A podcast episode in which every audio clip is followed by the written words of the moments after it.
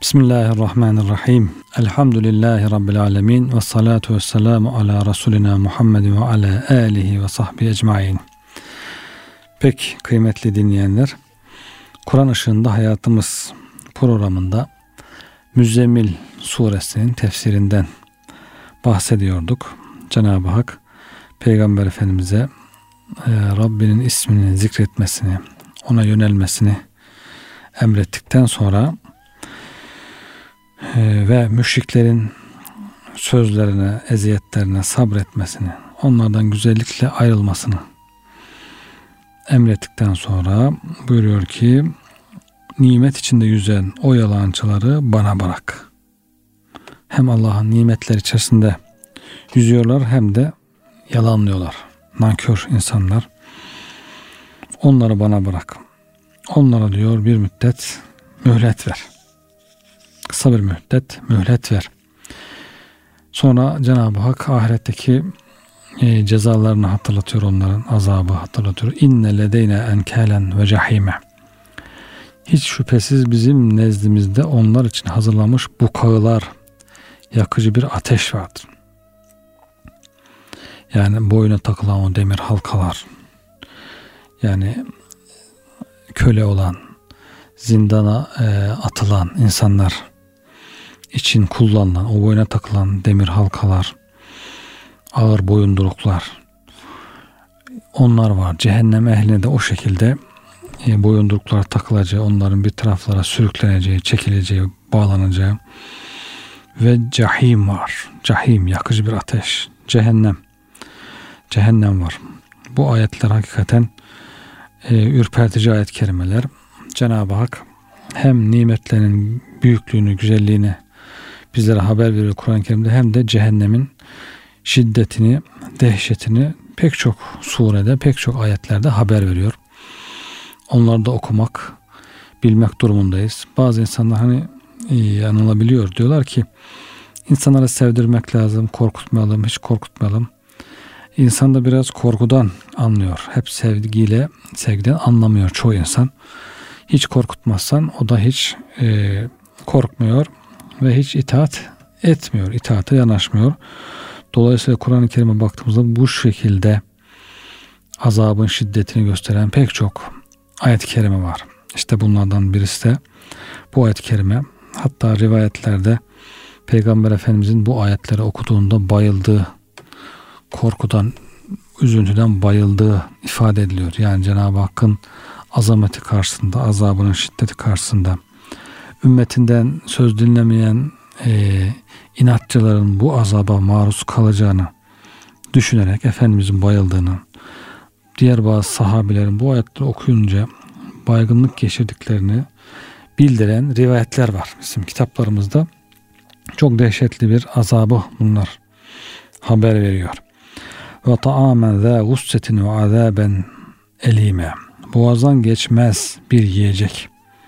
Bir yemek yiyorsun boğaza takılıp kalıyor. Azap oluyor. Elem verici bir azap var. Acıkıyor insan orada bir şey yemek istiyor.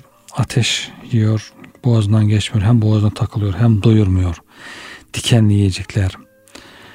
Yani açlığı gidermeyen, insana faydası olmayan yiyecekler. Yiyorsun doymuyorsun. İçecek istiyor, içiyor, kaynar su. Susuzluğu gitmiyor. Susuzluğa faydası yok.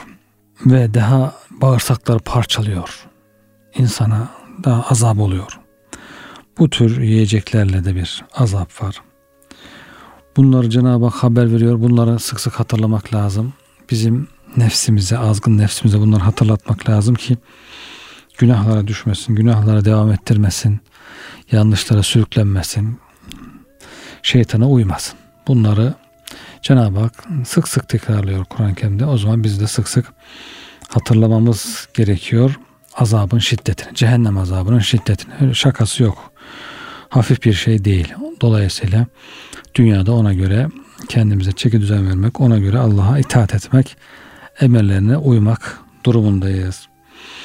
Yevme tercuful ardu vel cibalu ve kânet ve kânetil cibalu kesiben mehile. O gün kıyamet günü, kıyametin kopuşunu anlatıyor Cenab-ı Hak.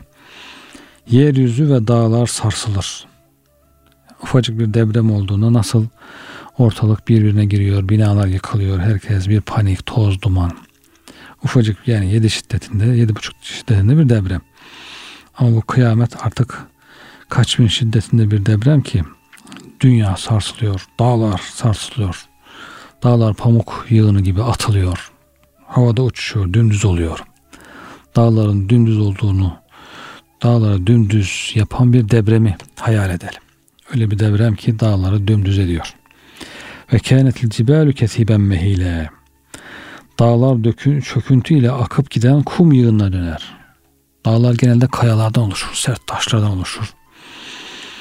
Bu sert taşların kum yığını, incecik kum olduğunu ve böyle e, kum gibi aktığını düşünelim. Dağlar akarak düzleniyor. Yani o yükseklikleri kalmıyor. Düzlendiğini düşünelim bu dağların. Böyle bir şiddet, bu şiddette bir depremi düşünelim. O zaman artık insanın başında akıl mı kalır? Korkudan insan ne yapacağını bilemez. Zaten e, canını da verir herhalde o korkuyla. Kıyametin dehşetli bir sarsıntısı. O gün kıyamet günü yeryüzü ve dağlar sarsılır. Yani o gün Allah'ın heybeti ve azametinden kıyametin gelişine bir alamet. Allah'ın isyankarları hesaba çekme hususundaki hükmünün başlamasına bir emare olsun diye yeryüzü ve dağlar sarsılır. Hesaba hazırlık Cenab-ı Hakk'ın azameti karşısında demek ki dağların ve yerin sarsılması. Ayette dağların yeryüzünün bir unsuru ve parçası olmasına rağmen ayrıca zikredilmiş olması onların büyük cisimler ve yeryüzünün adeta kazıkları olmalarından dolayıdır. Yani yeryüzü sarsılır dediğinde zaten dağlar da sarsılır ama onları ayrı ayrı zikrediyor ki dağların da bir kendine has önemi var. Yeryüzü için önemli bir fonksiyon icra ediyor. Kazık gibi kendine e, müstakil bir yapısı var. Dolayısıyla burada ayrı ayrı zikredilmiş. Yeryüzünün kazıkları böylesine sarsılırsa yeryüzünde hiçbir şey sabit olarak kalmaz. Yani dağlar sarsılırsa artık başka sabit kalacak bir şey yok. Öte yandan dağlar gibi yeryüzünün yüksek nesnelerinin sarsılması küçük olanların sarsılmalarından daha bariz olur. Ve böylesi yüksek nesnelerin sarsılması dolayısıyla yürekler korkudan ağızlara gelir. Dağlar yüksek olduğu için herkes onların sarsıntısını, kum gibi akışını görür ve o dehşeti fark eder, hisseder. Dağlar yüksek ve sert olmalarına rağmen kayalardan, sert taşlar olmasına rağmen sarsılmanın şiddetinden akıp giden kum yığınına döner. Kum akıntısına dönüverir. Ayette geçen kesip kelimesi kum yığını, kum tepeciği demektir. Çöllerde rüzgar estiği zaman böyle kum tepelerinin yer değiştirdiğini görür insanlar. Yani kumlar bir taraf tepenin bir tarafına öbür tarafına akarak akarak böyle bu şekilde yavaş yavaş o tepeciğin yeri değişir. Kum, kum tepesinin yeri değişir. Akar yani. İşte o sert kayalar bu şekilde kum tanesi gibi akıyorsa bu kıyametin dehşetini anlamamız için yeterli. Mehile, mehil kelimesi ise dağılıp etrafa saçılmış ve akmış kum yığını demektir. Eteğinden harekete geçirildiğinde tepesinden aşağıya doğru akmaya başlar. Alttan hafifçe oynayınca, kurcalayınca kum tepesinin hemen yukarıdan aşağı doğru akar. Çünkü bu yığını oluşturan dağlar paramparça kum zerrecikleri gibi olmuşlardır. Bir başka ayet-i kerimede de dağların o gün atılmış yün gibi olacağı belirtilmiştir. Yün atmayı belki herkes bilmeyebilir. Onun makineleri vardı eskiden. Yünler böyle e, hayvanlardan kesilir. Birbirine böyle sıkıca bağlı olanlar olur, kirli olanlar olur, birbirine yapışık olanlar olur. O makine onları böyle dağıtarak kabartır, birbirinden ayırır.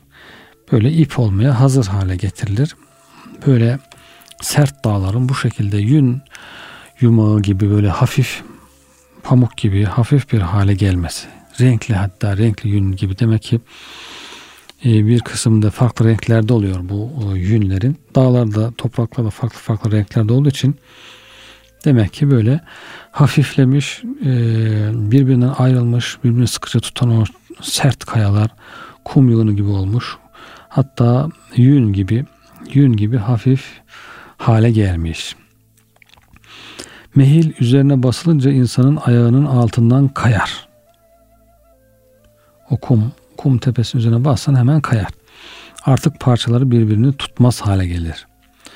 Bunların parçalarının birbirinden ayrı ve dağınık olması akıcı olmalarını sağlamıştır ki bu kum tanelerinin bir yerde yığılmış olmalarıyla çelişmez. Yığılabilir ama bunlar çok kolay bir şekilde rüzgarla, hafif dokunmayla dağılır, akar gider. Kıyametin dehşetinden dağların bu hale geleceği bildiriliyor. Dağların bu şekilde akıp giden, dağılan kum yığınına benzetilmesi bu özelliğin kendilerine ait bir hususiyet olmasından dolayıdır. Çünkü yeryüzü ilk sarsıntının ardından kendi bulunduğu mekanda istikrarlı biçimde kalacaktır. Yeryüzü kalıyor ama dağlara akıyor. Bunu bize Allah Teala'nın şu ayet kelimesi göstermektedir.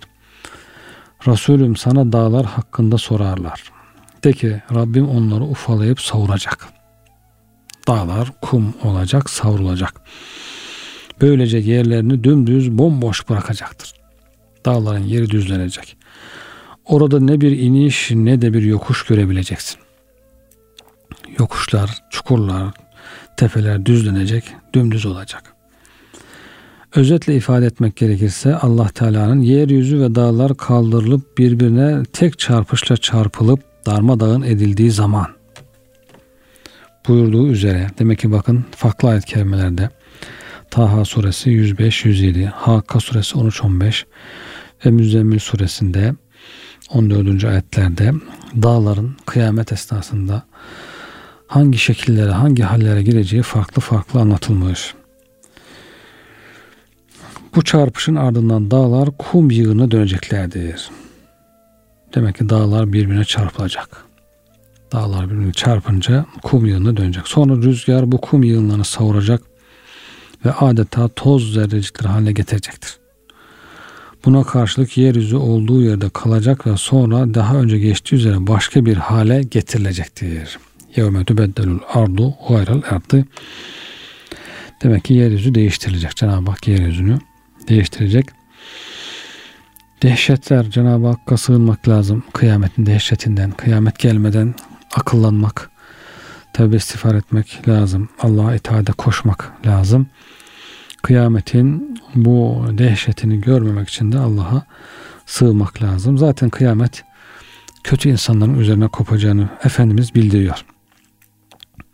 Kıyamet yakın Allah Teala müminlerin diyor ruhunu kabzeder. Geriye kötü insanlar kalır. Onlar sokaklarda böyle hayasızlık, arsızlık yaparken affedersiniz merkepler gibi diyor çiftleşirken kıyamet üzerlerine kopar. Bugün bazı insanların çok özlediği bir hayat bu. Her şey rahat olsun, serbest olsun, kimse kimse ayıplamasın, herkes istediğini yapsın. Hayvanlar gibi sokaklarda işte soyunsun, e, zina etsin, fuhşiyat yapsın. Her bunu özleyen insanlar var. İşte bu insanlar kıyametin üzerine kopacağı insanlar. Bu özlenecek bir şey değil yani. Dolayısıyla e, Müslümanlar bu fuhşiyatın, bu çirkinliğin durdurulması, azaltılması için çalışıyor. Cenab-ı Hak bu fuhşiyatın yayılmasını isteyenler için büyük bir elin bir azabın olduğunu ayet-i kerimede bildiriyor. Et-Tevilatun Necmiye isimli tefsirde, tasavvufi tefsirde bu ayet-i kerime şöyle tefsir edilmiş. O gün yeryüzü ve dağlar sarsılır. Yani o gün beşeriyet arzı, enaniyet dağları sarsılır. İnsanın insanlığı, benliği sarsılır. Enaniyet dağlarından her biri un ufak olup etrafa saçılmış kum yığınlar gibi olur. Benliğini unutverir insan ne olduğunu anlar. Zail olmasında ve etrafa dağılmasındaki hız nedeniyle itibari olan nefsi beğenme olayı atılmış kumlara benzetilmiştir. İnsanın kıyamet esnasında bu korku esnasında kendini beğenmesi, ucubu, kibiri, benliği, enaniyeti hepsi düzlenir gider. Ama o zaman iş işten geçmiş olur.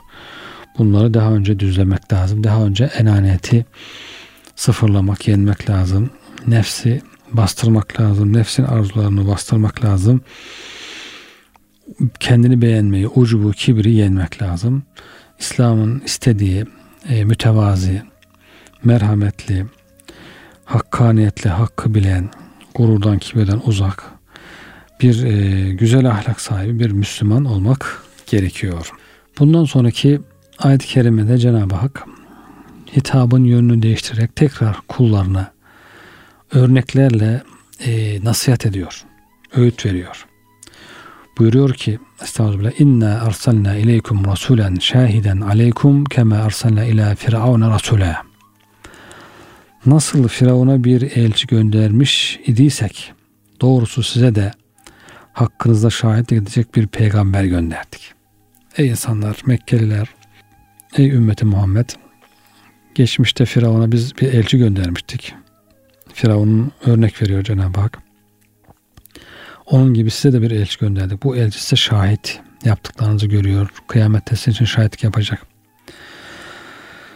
Nasıl Firavun'a bir elçi göndermiş idiysek, Firavun'a gönderilen peygamber Hz. Musa aleyhisselamdır. Büyük peygamberlerden Musa aleyhisselam. Çünkü Harun aleyhisselam Musa aleyhisselamın yardımcısı ve ona tabi idi. Musa aleyhisselam dua ediyor. Ehlimden Harun bana yardımcı ver ya Rabbi diye Cenab-ı Hak onu vezir olarak veriyor. Asıl olan Musa aleyhisselamdır. Harun aleyhisselam ona yardımcı olarak peygamber olarak gönderiliyor. Harun aleyhisselamın isminin burada zikredilmeyişi benzetme noktasından herhangi bir rolünün olmayışından dolayıdır. Ayette Firavun'un özel olarak zikredilmesi kendisi nimet ve refah içerisindeki önderlerden ve böbürlenen azgın şımarıklardan olmasından dolayıdır. İdarecilerin azgınlarından, kibirlilerinden e, dünya çapında bir örnek Firavun. Allah Teala Firavun'a Hz. Musa'yı gönderdiği gibi Kureyş'e de Hz. Muhammed sallallahu aleyhi ve sellem göndermiştir. Firavun ile Kureyş arasında bir benzerlik, ilgi ve ortak noktalar vardır. Kureyşliler de firavunlaşmışlar iyice. Zenginleşenler. İşte Kabe'nin hürmetini kullanarak, haremin, Mekke'nin insanlar arasındaki hürmetini kullanarak kendileri iyice firavunlaşmış insanlar var. Orada peygamberimizin karşısında. Ey Mekkeliler doğrusu size de hakkınızda şahitlik edecek bir peygamber gönderdik. Bu peygamber Muhammed sallallahu aleyhi ve sellem'dir. Resulullah sallallahu aleyhi ve sellem Efendimizin Mekkelilere peygamber olarak gönderilmiş olması kendisinin Mekkeliler dışında diğer insanlara peygamber olarak gönderilmesiyle çelişmez. Yani burada Mekkelilere hitap edilmesi peygamberimizin diğer insanlara gönderilmediği anlamına gelmez. Onun risaleti, nübüvveti alem şumuldür, e, evrenseldir. Bütün kendisinden sonraki bütün insanlara bütün mekanlara, bütün zamanlara mekanlara. Çünkü Mekke Ümmül Kura yani şehirlerin anasıdır. Merkez. Onun için Mekkelilere gönderilen peygamber bütün dünya halkına gönderilmiş demektir.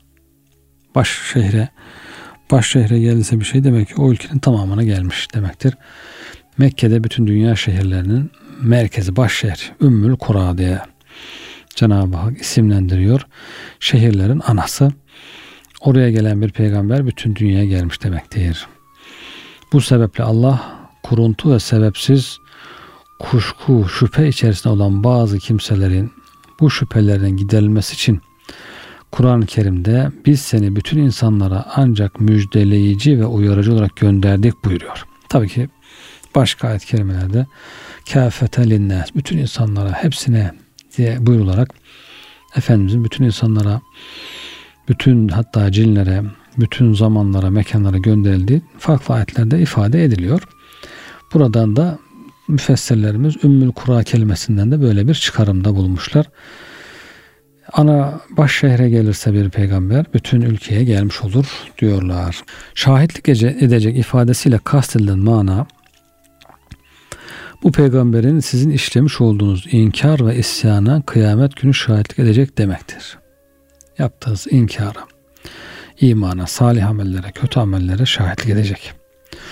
Resulullah sallallahu aleyhi ve sellem bu şahitliği sadece size değil, her bir ümmetten bir şahit getirdiğimiz ve seni de onlara şahit olarak gösterdiğimiz zaman halleri nice olacak.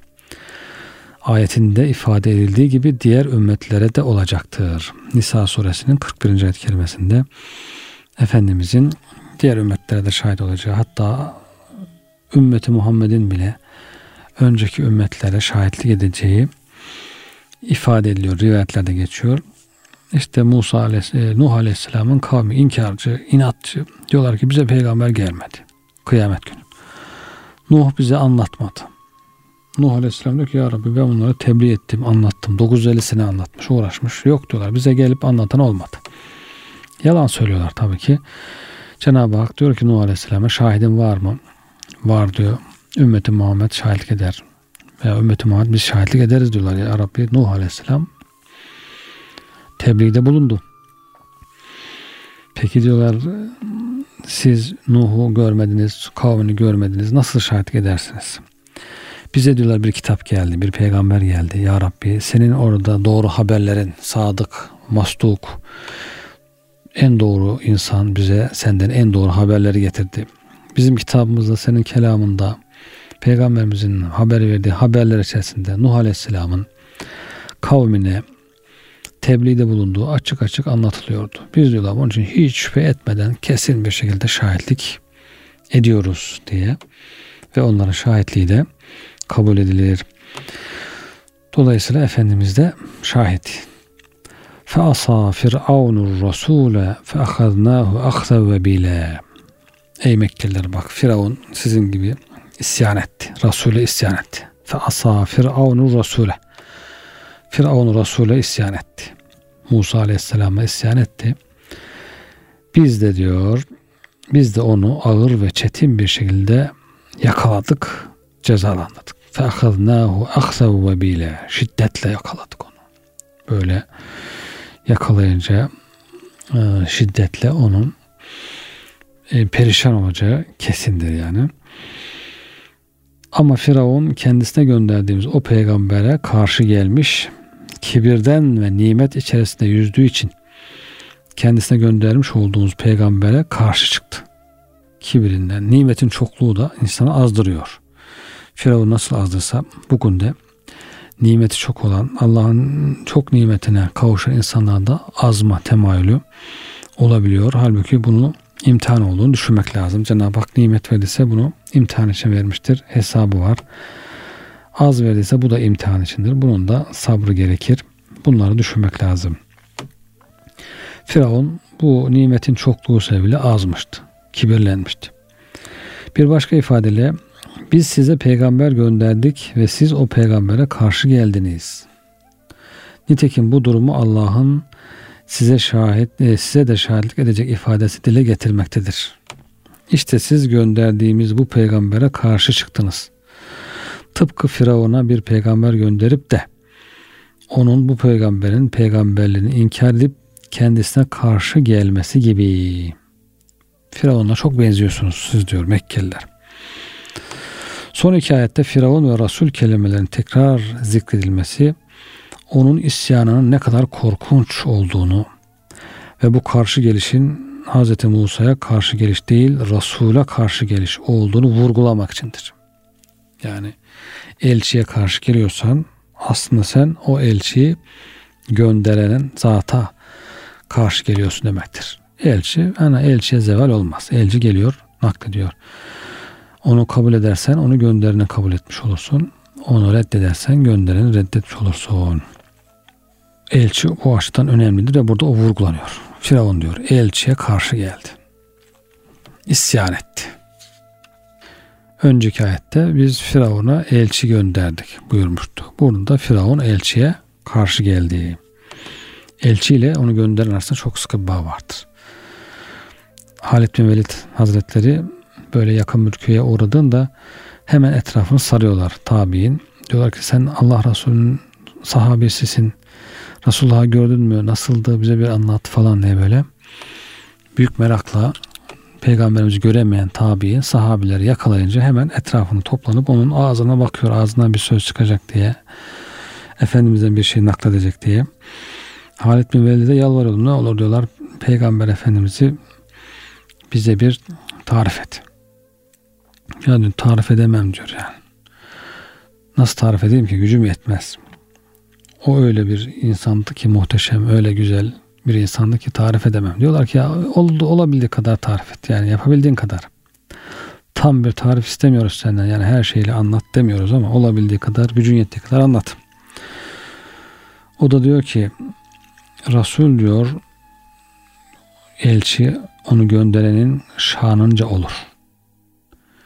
Bir elçi onu gönderenin şanına layık olur. Gönderen Allah Teala olduğuna göre diyor siz elçi varın hayal edin, tahayyül edin nasıl olabileceğini. Allah Teala elçi gönderdiyse o azamet sahibi, kemal sahibi Cenab-ı Hak elçi gönderdiyse o elçiyi anlamak için bunu düşünmek yeterli. Yani Allah bir elçi gönderdiyse herhalde şanına layık bir elçi göndermiştir. O zaman Resulullah Efendimizin nasıl bir insan olduğunu, nasıl bir elçi olduğunu az çok insan tahmin edebilir, tahayyül edebilir. Burada da işte elçiye karşı geldi Firavun diyor. Elçiye karşı gelmekle aslında Allah'a karşı gelmiş oldu. Bu ayet-i kerimede Firavun'un etrafında yer alan ileri gelenlerin zikredilmeyişleri işaret ediyor ki onların her biri kendi isyanları açısından sanki birer Firavun gibidirler. Mele, Firavun ve meleği yanındakiler onlar da her birisi bir Firavunlaşmış artık. Burada sadece Firavun deniyor. Her birisini bir Firavun olarak düşünebilirsiniz. Biz de isyanı sebebiyle onu tahammül edilemeyecek, dayanılamayacak, ağır ve çetin bir şekilde muahaze ettik, cezalandırdık, yakaladık.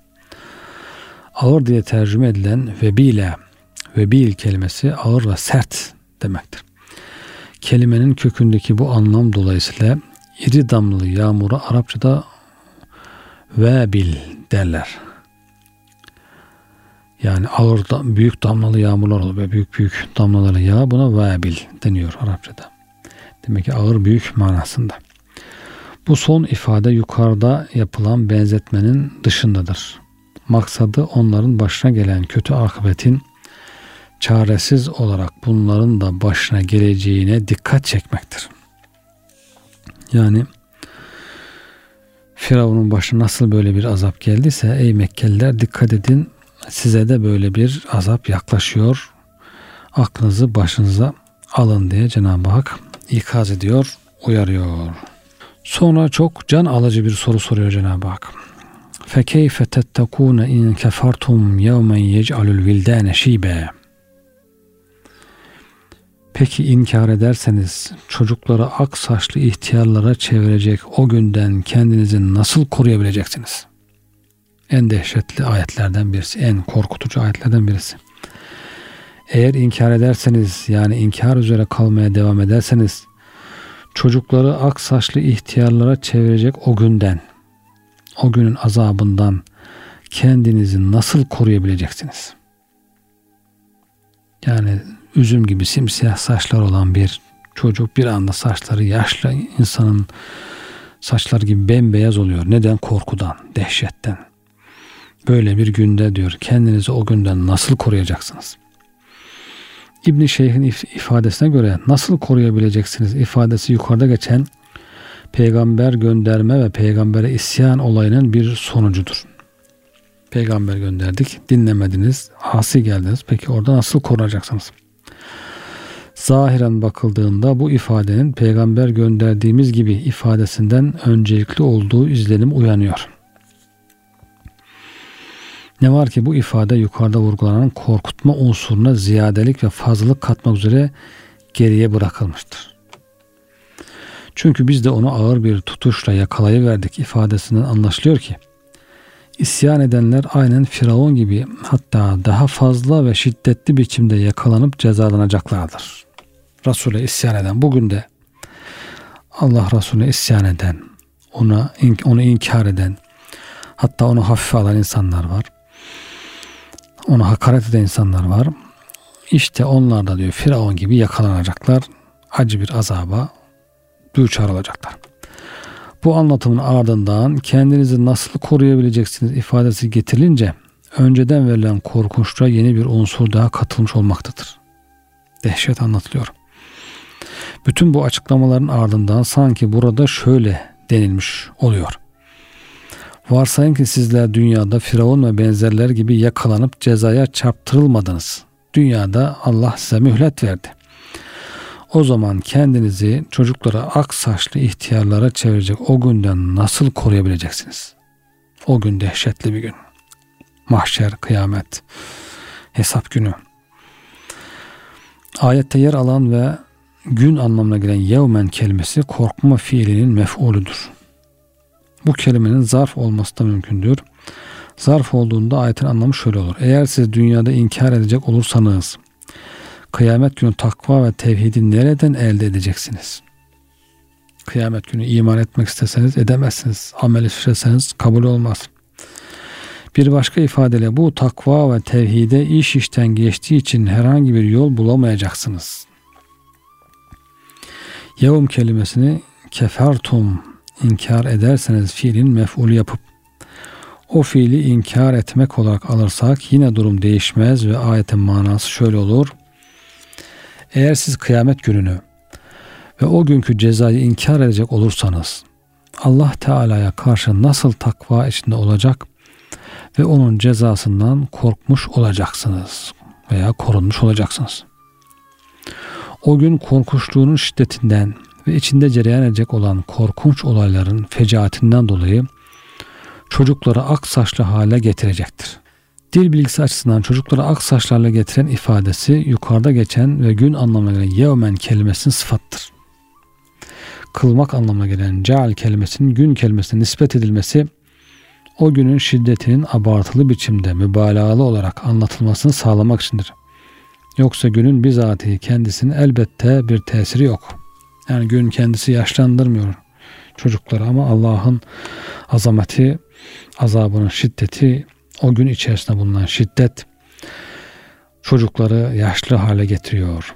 Vildan kelimesi velidin çoğuldur. Velid, çocuk, vildan, çocuklar. Kelime aslında hem yeni doğmuş çocuklar için hem de çocukluk döneminin daha sonraki zamanlarını yaşayanlar için kullanılır. Asıl bu olmakla birlikte bu kelime yeni doğmuş çocuklara verilen isimdir. Velet diyoruz ya. Şeyben kelimesi ihtiyar, yaşlı demektir. Arapçada şeyb saçın aklığı, beyazlığı anlamınadır. Çocukların ihtiyarlatılması meselesi birkaç yönden açıklanmıştır. Yani çocukların ihtiyarlanması, ihtiyarlaması nasıl olur? Birkaç yönden açıklamışlar tefsirciler. Bazı müfessirlere göre buradaki ifade gerçek anlamındadır. Nitekim Zemahşer'in yaptığı açıklama bunu desteklemektedir. Diyor ki, kitaplardan birinde rastladığıma göre adamın biri kuzgun simsiyah saçlarla akşamdan yatağına girer. Bir örnek veriyor Zemahşer. Sabah olduğunda saç sakalı yan, yanık ot gibi bembeyaz kalkar. Sebebini soranlara şöyle der. Ben rüyamda kıyameti, cennet ve cehennemi gördüm. İnsanlar zincirler içerisinde ateşe sürükleniyorlardı. Gördüğüm bu manzaranın korkunçluğundan dolayı sabahleyin yatağımdan kalktığımda gördüğünüz hale geldim. Yani kıyametin rüyası bile adamın saçlarını artmaya yetmiş. Kendisi kim bilir nasıldır. Allah korusun. Ahmet Devraki şöyle der. Komşularımızdan birisi genç yaşta ölmüştü. Bir gece kendisini rüyamda yaşlanmış halde gördüm. Ona başından neler geçti diye sordum. Dedi ki Bişir bizim kabristanımıza gömüldü. Cehennem bir soluyuş soludu ki onun tesiriyle kabristandakilerin hepsinin saçları ağardı. Yukarıdaki kıssada adı geçen Bişir Bişir Müreysi lakabındaki kişidir. Mısırlı bir zatmış demek ki. Bişir Müreysi fıkıh ilmini Kadı Abu Yusuf'tan almıştır. Ancak kendisi kelam ilmi meşhur olmuş ve Kur'an-ı Kerim'in ezeli değil sonradan yaratılmış olduğunu iddia etmiş. Halkul Kur'an, Kur'an'ın yaratılmış olduğunu iddia etmiş ve Bağdat'ta birçok insanın yoldan çıkmasına sebep olmuştur. İnsanlar yoldan saptıran bir işte alem müsveddes diyelim kendisine hoca denen birisi ölünce diyor bizim bizim kabristana gömüldü. Onun diyor O gelince cehennem ona öfkesinden bir soludu, bir nefes alıp verdi, bir böyle öfkesini dışa vurdu, bir üfledi. Bütün diyor kabristandaki herkesin saçı başı ağardı. Bugün de aynı insanlar var. Bugün de e, televizyonlarda, işte internette, kitaplarda yanlış fikirlerini özellikle insanlara yayan, insanları yoldan çıkaran bu tür insanlar var maalesef. İşte bunlar profesör olabiliyor, hoca denebiliyor, ilahiyatta olabiliyor veya ilahiyat dışında olabiliyor. Ama bunların vazifesi insanları saptırmak. Bu Bişir müreyesi gibi Kur'an-ı Kerim hakkında farklı görüşler, sünnet hakkında farklı görüşler, ehli sünnetin, ehli sünnet ulemasının benimsemediği görüşler ortaya atarak insanları saptıran bu kimseler aynen Bişir el-Müreysi'ye benzeyen insanlar. Burada kıyamet günü çocuklara elem ve zarar verilmesi caiz değildir. Tam tersi onlar mükellef olmadıkları için masumdurlar. Her türlü tehlikeden korunmuşturlar şeklinde gelebilecek bir itiraza şöyle cevap vermek mümkün diyor. Kıyamet günü o günün heybeti ve korkusundan peygamberler topuklar üzere yere çökeceklerine göre onların dışındaki evliya, şeyh, genç ve çocuklar ne hale gelir? Varın siz hesap edin. Bu ayet-i kerimede bir mübalağa vardır. O da şudur. Çocukların yeni dünyaya geldikleri için insanlar arasında ihtiyarlığı en uzak kişiler oldukları halde o günün dehşetinden saçları bembeyaz olacaksa yani bir baştan bir başa geçecekse bir insan o zaman başkalarının saçları haydi haydi bembeyaz olacak demektir. Dehşeti gösteriyor. Yukarıda anlatılan kıssada durum yine aynıdır. Sırf rüya görmekle bir insan yaşlanırsa ayağının altından köklü dağların eriyip gittiğini, kum gibi aktığını uyanıkken gören kimsenin hali acaba nice olur. Rüyası böyleyse dünyası nasıl olur? İkinci açıklama.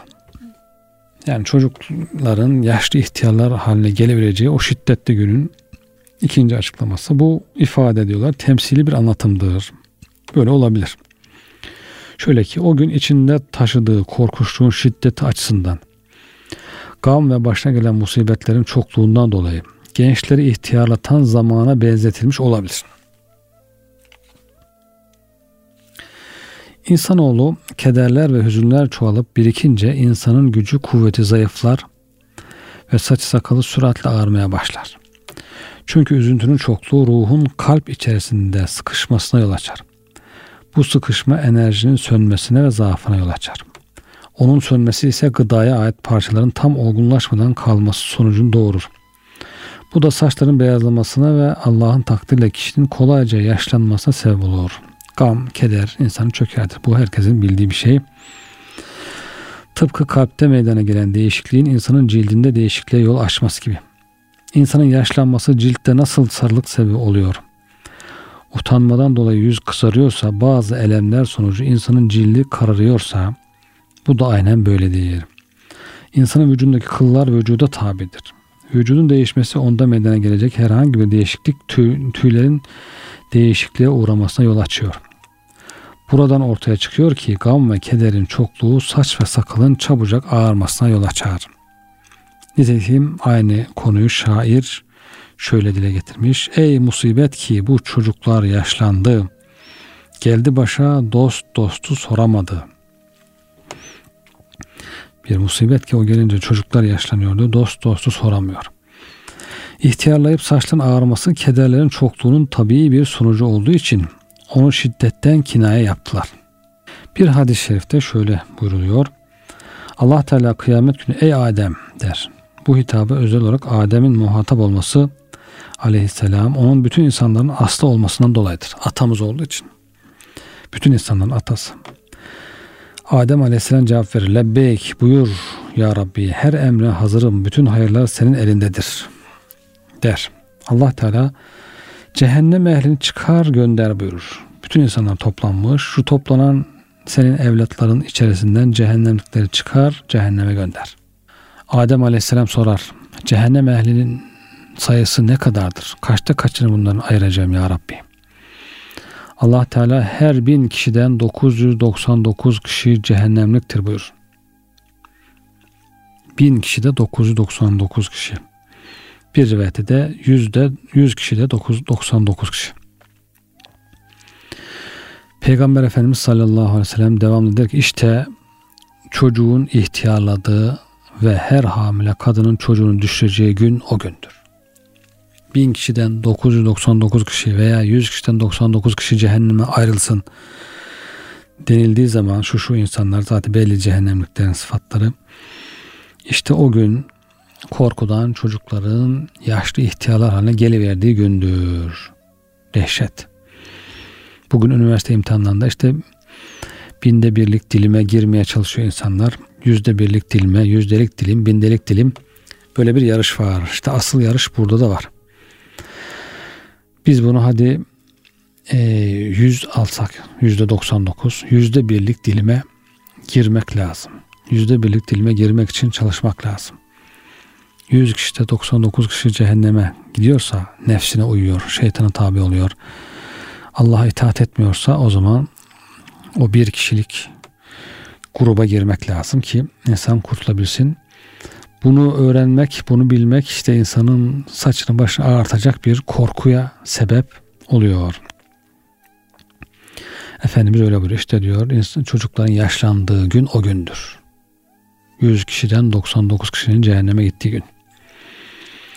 İbnül Melek şöyle diyor. Bil ki saçın ağarması ve doğum olayları ayette anlatıldığı gibi zahiri üzerine anlaşılmamalıdır.